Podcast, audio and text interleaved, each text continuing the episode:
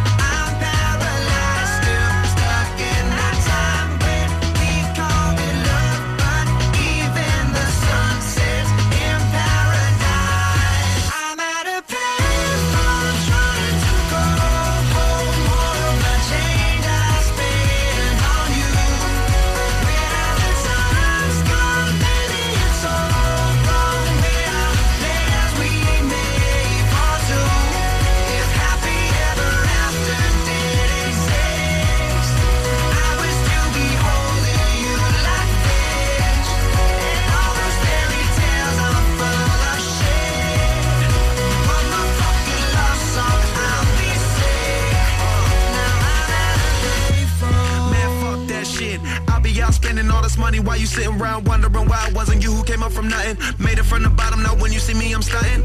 And all of my cars are with a push of a button. Telling me I changed since I blew up or whatever you call it. Switch the number to my phone so you never could call it. Don't need my name on my shirt, you can tell it I'm ballin'. Swish, what a shame, could've got picked. Had a really good game, but you missed your last shot. So you talk about who you see at the top or what you could've saw. But sad to say, it's over for. Phantom pull up, valet, open doors. Wished I go away, got what you was looking for. Now it's me who they want, so you can go and take that little piece of shit with you.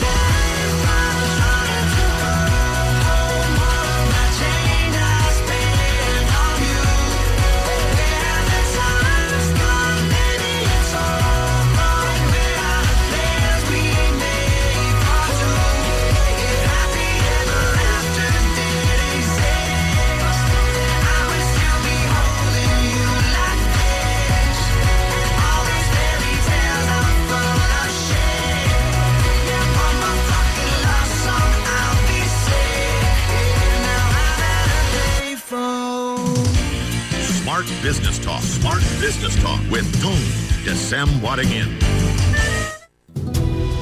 Halo para airliners di Surabaya.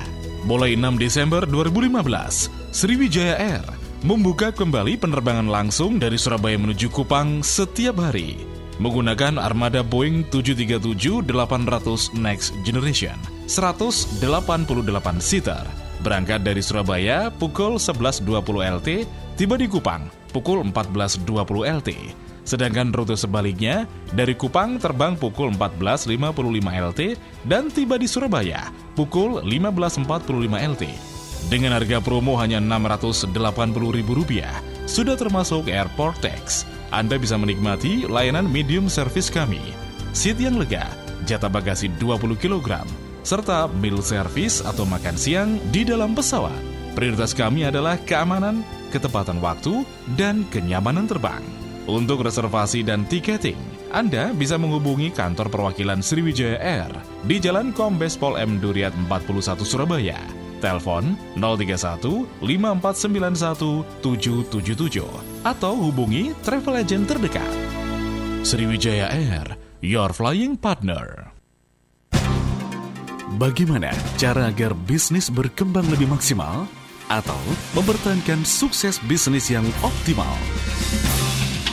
DSW, Dr. Sandi Wahyudi, pakar dan praktisi bidang marketing dan inovasi sekaligus Business Development Director SLC Marketing akan menawarkan inspirasi dari sukses bisnis Anda dalam Smart Marketing and Innovation, seluk-beluk pengembangan perusahaan dari sisi A hingga Z marketing dan inovasi.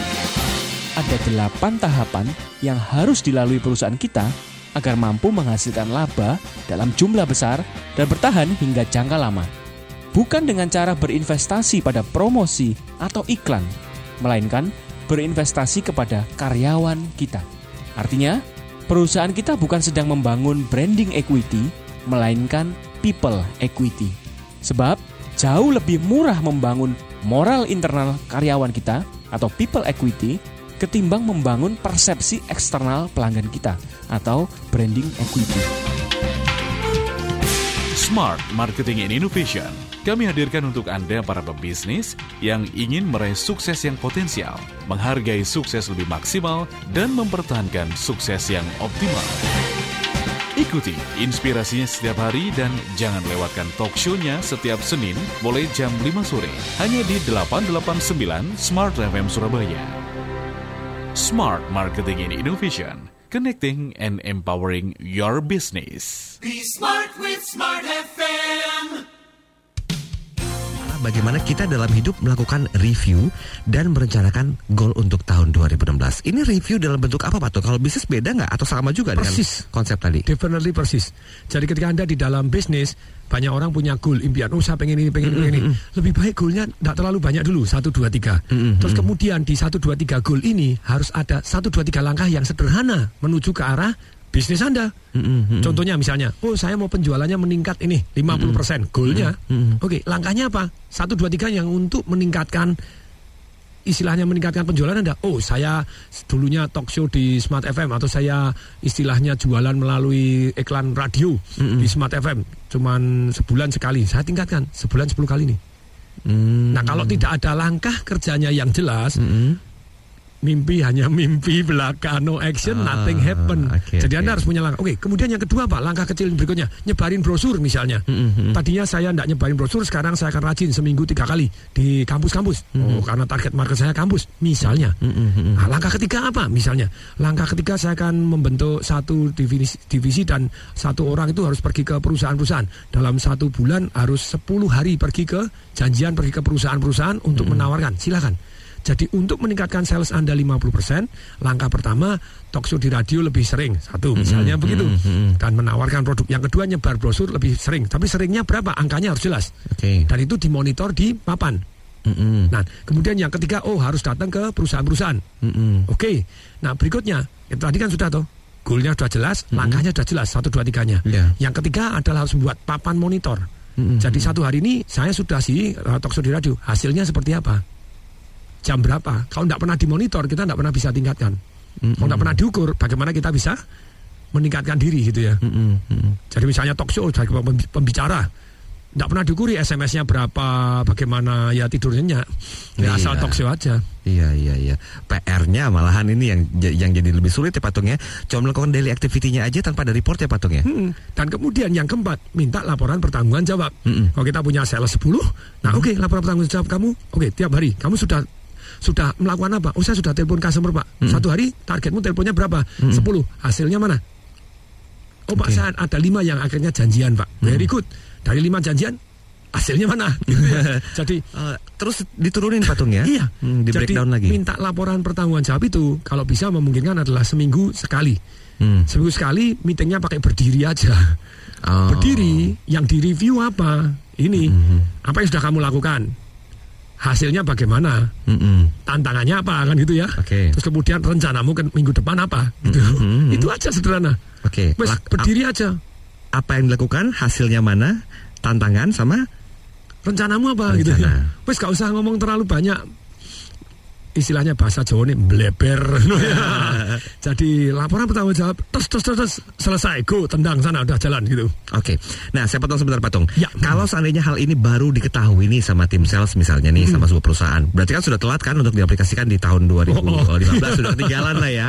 Nah perlu nggak kira-kira kita mengaplikasikan hal ini kepada uh, tim kita di tahun 2016? Tapi hal ini belum pernah kita lakukan patung sebelumnya. Nah, kalau saya biasanya kalau seminaris sudah saya suruh sikut kiri sikut kanan, sikut kiri sikut kanan dan saya bilang insap, hoi.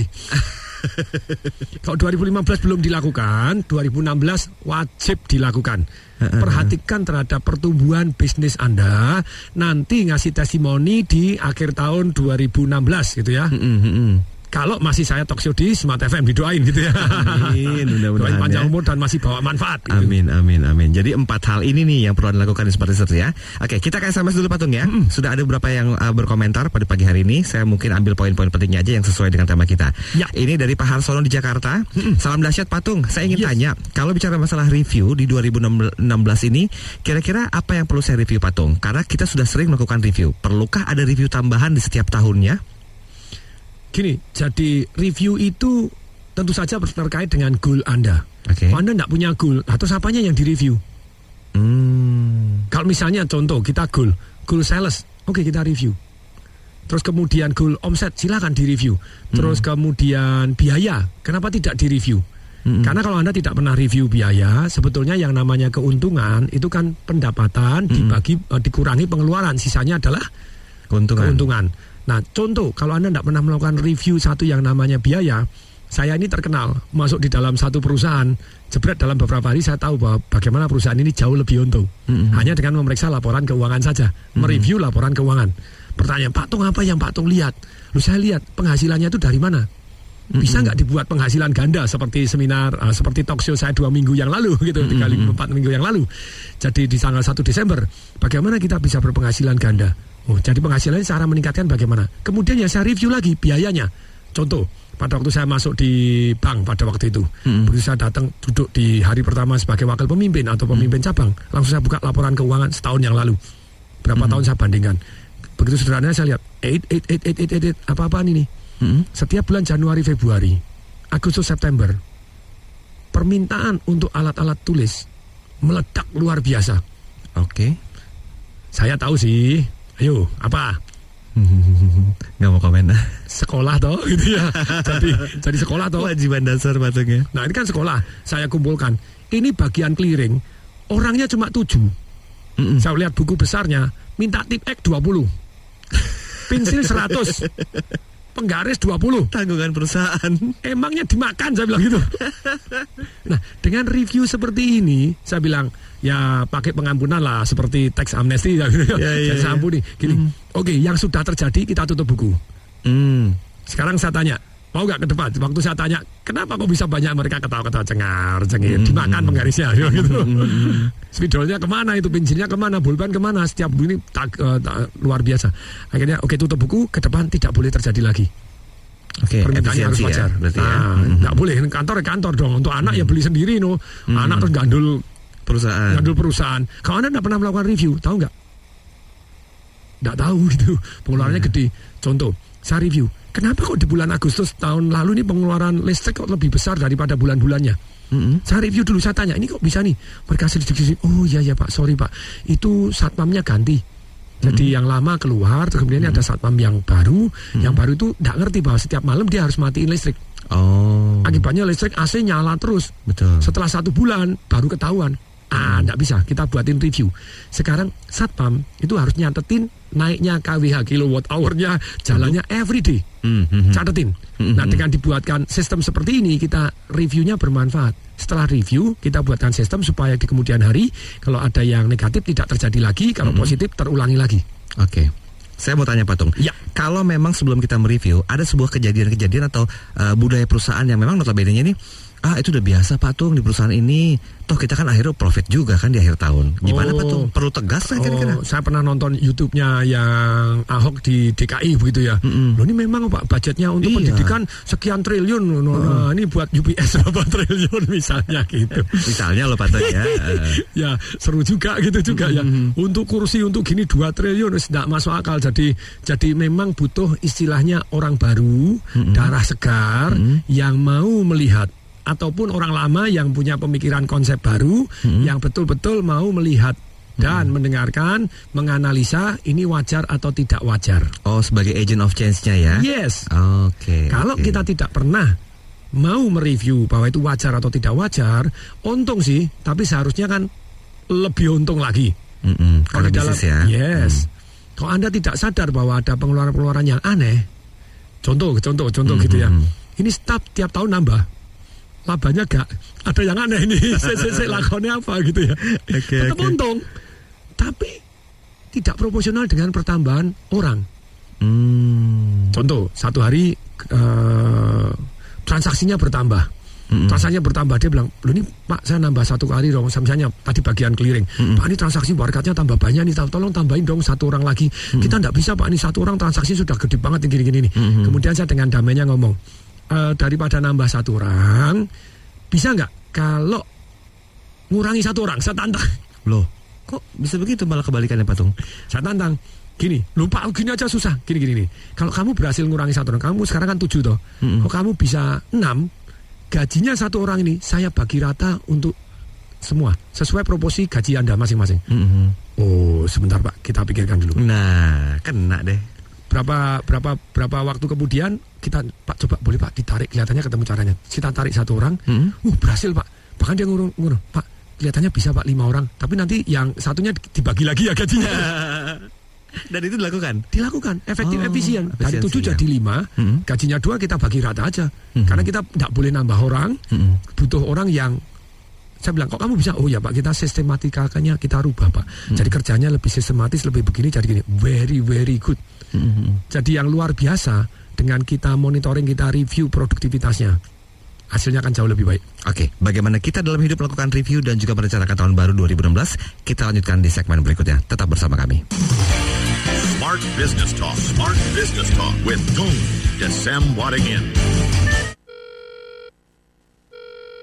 Cek media selamat malam ada yang bisa saya bantu? Mas, saya mau komplain nih mas Eh, silakan keluhannya Pak. Ini gimana sih? Iya. Tayangannya amburadul Channel ini hancur, channel itu Ya, hancur kalau boleh tahu waktu pasang antena yang masang siapa Pak? Ya saya sendiri lah Antenanya punya siapa? Ya punya saya Waktu nyambungin decoder ke antena siapa yang nyambungin? Ya saya Berarti kalau tayangannya amburadul salah siapa? Ya salah saya Loh, loh, loh, kok jadi salah saya ini? Nah, kan yang masang antena siapa, Pak? Saya. Antenanya punya siapa? Punya saya. Yang nyambungin decodernya siapa? Ya saya. Berarti yang salah siapa? Ya saya. Nah, betul kan? Ada lagi Pak keluhannya? Kalau tidak ada, selamat malam, selamat menikmati. Salah sendiri, pilih TV berlangganan yang asal gampang pasang. Pilih yang berpengalaman dong. Indovision, pemasangan cepat dan langsung ditangani teknisi handal. Pilihan channel lebih banyak dan tayangan jernih. Untuk pemasangan, hubungi 1500 900. Indovision, bukan yang lain. Bingung merayakan malam pergantian tahun baru 2016 tanpa kemacetan dan bebas dari cuaca yang buruk? Jangan bingung. Ayo, bergabung merayakan malam tahun baru 2016 di Gunawangsa Manyar Hotel Surabaya. Journey to change sparkling step to better future. Gunawangsa Manyar Hotel Surabaya akan mengajak tamu untuk merayakan perayaan tahun baru di Orchid Restoran yang terletak di lantai 23. Menyuguhkan pemandangan kota Surabaya dari ketinggian yang sangat eksotik pada malam hari. Dengan hanya membayar Rp100.000 net per orang, para tamu sudah disuguhkan berbagai sajian hidangan buffet all you can eat dengan berbagai ragam menu. Selengkapnya, simak interaktif talk show bersama Gundawangsa Manyar Hotel Surabaya, Selasa 29 Desember 2015, mulai jam 4 hingga 5 sore waktu Indonesia Barat. Interaktif, telepon 031 732 1498, SMS WhatsApp 0856 461 16889. BBM PIN 5158 F514 Twitter at smartfm underscore SBY Be smart with Smart FM.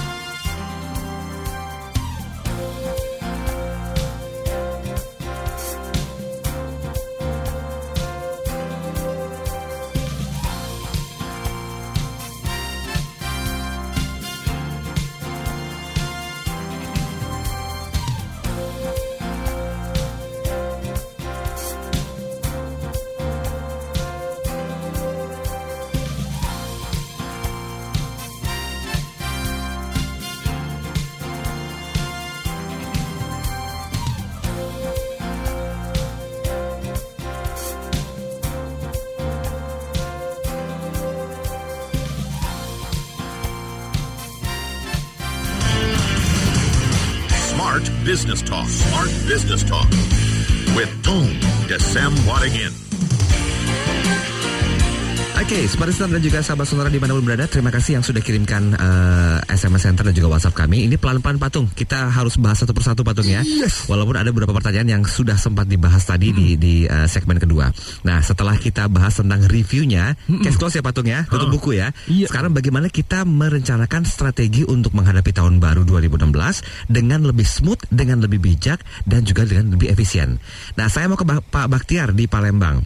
Selamat pagi Pak Tung, salam dahsyat katanya. Pak Baktiar nanya, kalau ngomongin masalah review, tadi kan Bapak bilang seminggu sekali. Nah kalau untuk perusahaan besar, apakah memang porsi reviewnya harus seminggu sekali atau justru tiga hari sekali Pak, agar lebih efektif dan efisien dan cermat lagi Pak? Setuju, kalau bisa everyday. Oh. Jadi kalau Anda bisa everyday even better. Ketika kita punya goal misalnya, saya pada waktu itu tingkat mati mesin ATM harus terendah di Indonesia pada waktu saya megang bank. Saya punya goal nih.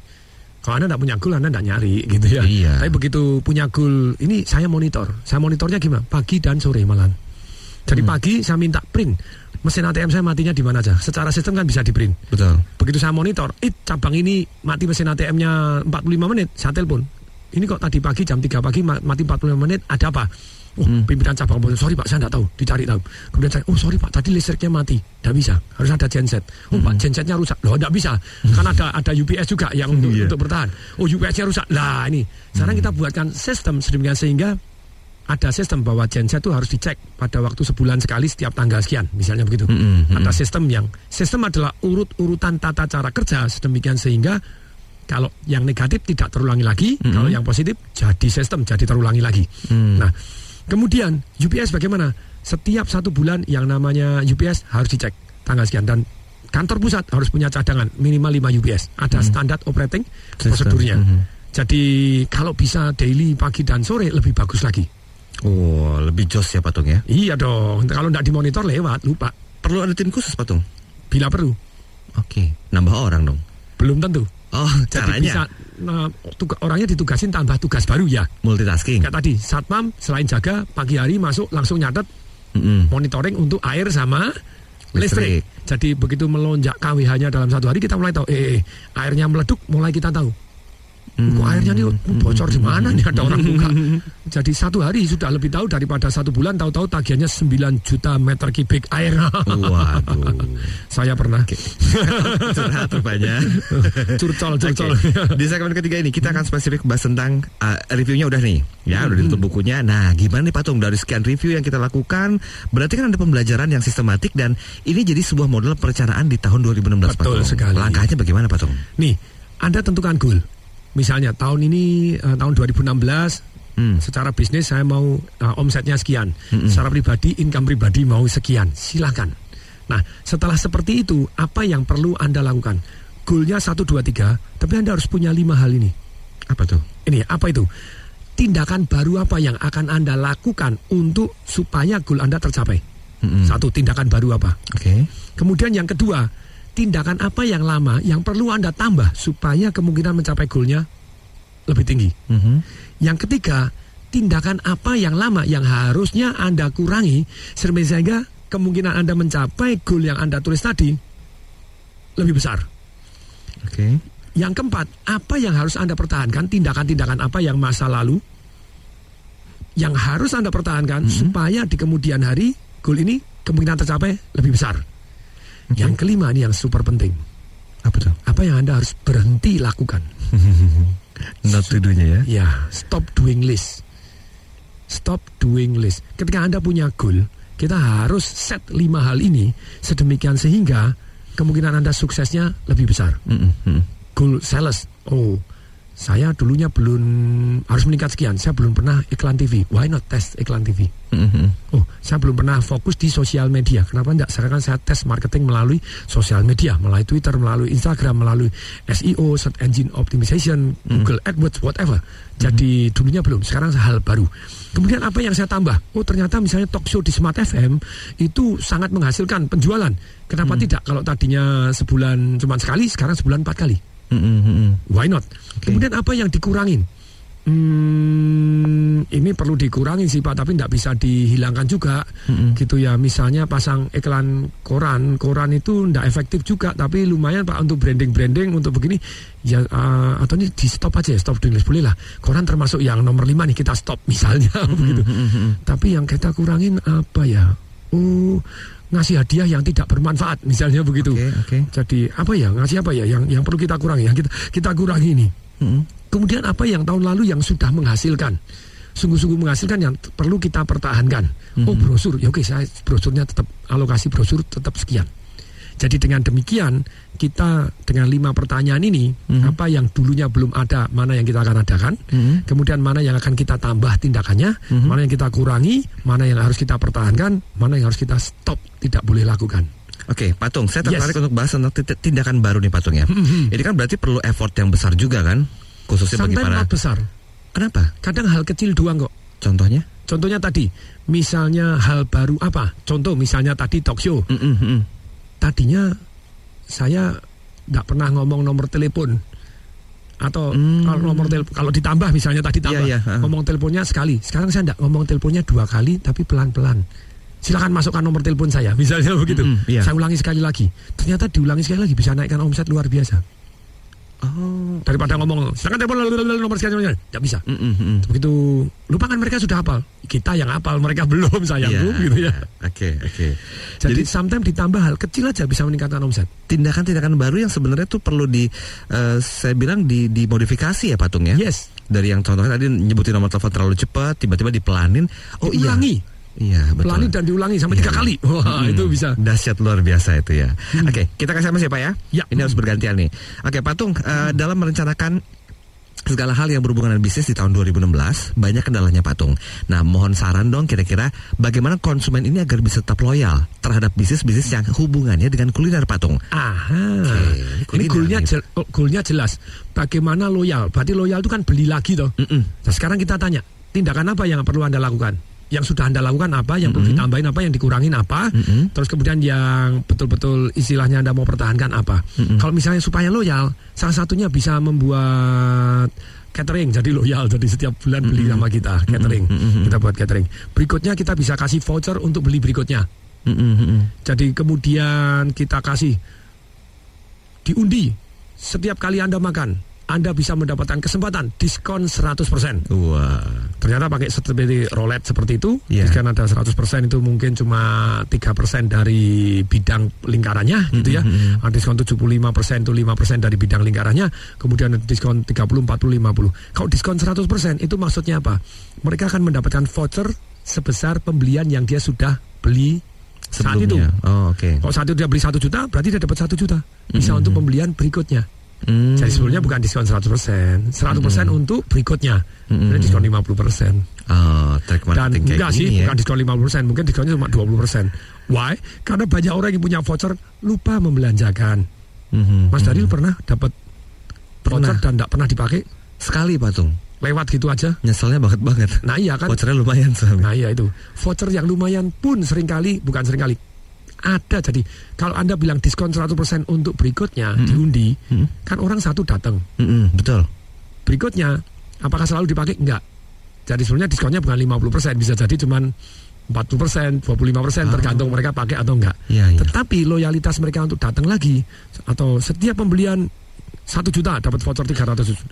Setiap pembelian voucher 1 juta, mereka dapat voucher 300 ribu atau dapat voucher 400 ribu untuk pembelian berikutnya.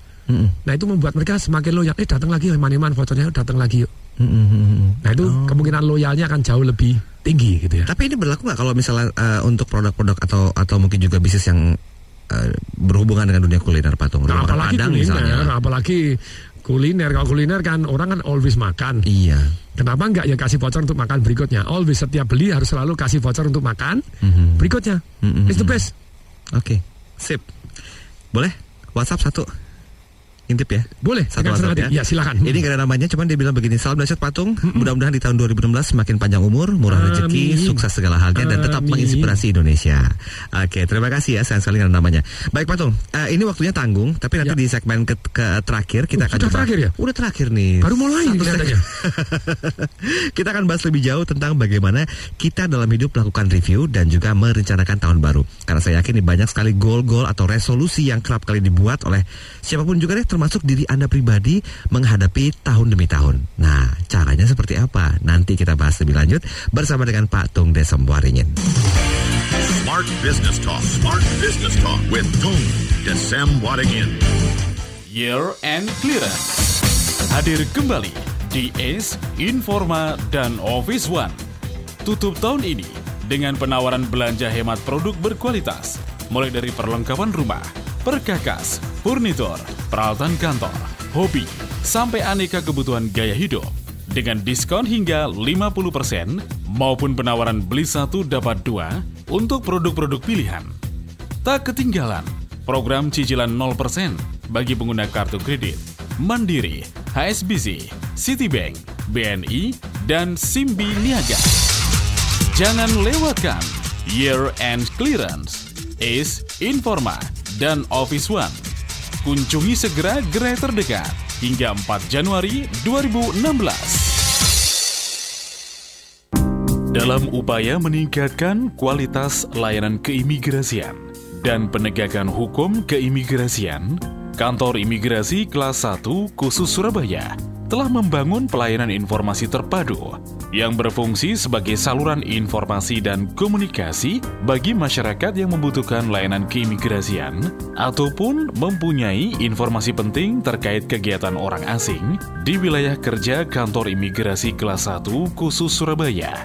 Penyampaian dan permintaan informasi maupun keluhan dapat disampaikan melalui email kanim underscore surabaya at imigrasi.go.id atau di nomor layanan bebas pulsa 0800 1058 0800 0800 1000 058 atau melalui layanan SMS Gateway di 0812 300 566 77 0812 300 566 77 untuk lebih jelasnya, dapat dicek pada website kami surabaya.imigrasi.go.id. Be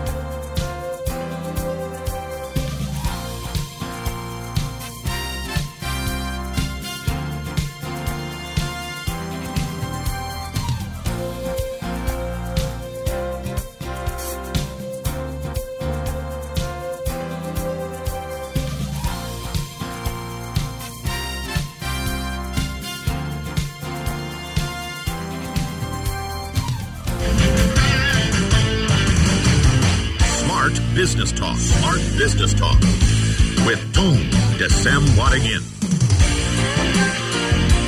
Ya, segmen terakhir. Smart Listener dan sahabat Sonora, walaupun ada beberapa SMS yang mungkin tidak terbacakan, tetapi mudah-mudahan cukup terwakilkan ya dengan penjelasan berikut. Karena saya tertarik untuk bahas selain banyak orang yang sukses patung di dunia Hmm, bisnisnya, betul. mereka Hmm. punya segala macam yang uh, orang lain tuh kadang-kadang bisa bikin ngiri gitu loh patung. Tapi di sisi balancing life-nya ini nggak dapat. Nah, Ini yang paling penting belum kita bahas nih. Ya, hmm. Goal dalam kehidupan patung. Sedikit dong jangannya gimana?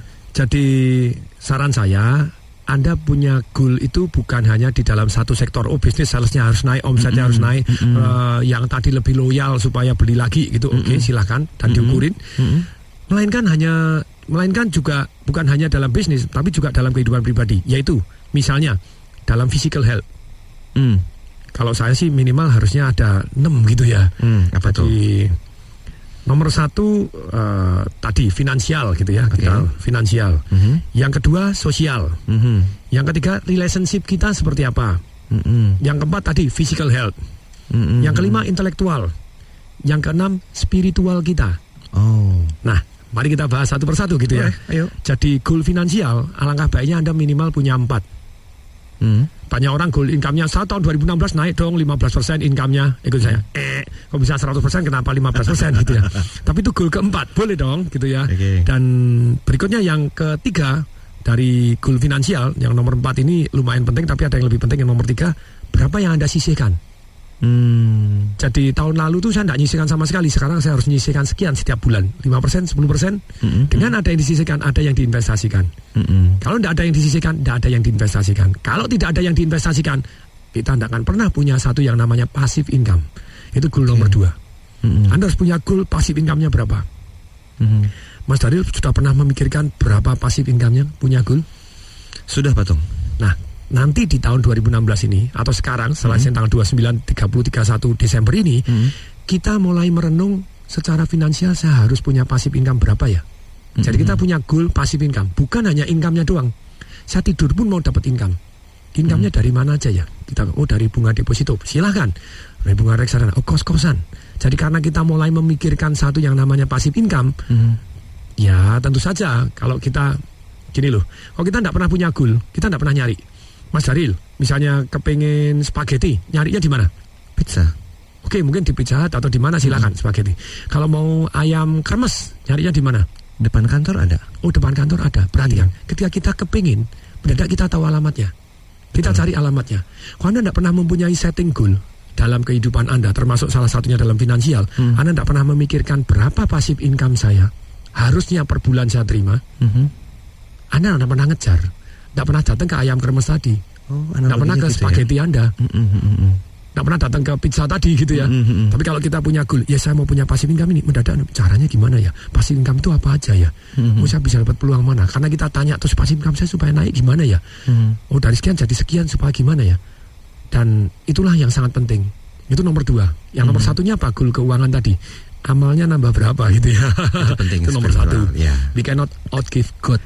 Ya.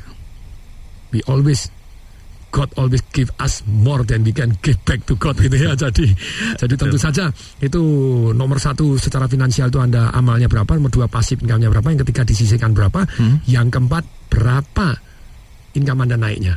Oke. Tentu saja naik boleh tapi pasif income lebih penting lagi. Siap. Secara sosial sama tadi amal. Hmm. Amal anda nambah berapa? Sosial itu bukan hanya amal uang, waktu, tenaga, pikiran. Hmm. Saya sendiri ngasih goal gitu ya. Berapa seminar gratis yang akan saya berikan di tahun 2016 ini gitu ya. Hmm, hmm, hmm. Atau seminarnya bayar tapi 100% saya sumbangkan. Oke. Itu kan baru seru gitu ya. Hmm, hmm. Dengan kita mulai men-setting begini, akibatnya kita benar-benar tadi cari alamatnya yang benar gitu. Betul. Berikutnya secara relationship. Relationship, misalnya, oh saya kepengen lebih mesra dan akrab sama istri saya. Mhm. Supaya lebih mesra dan akrab, misalnya jumlah ML harus ditingkatkan. Di Mhm. tahun 2016 ini harus meningkat tuh. Kalau Minta dulu laba maksudnya.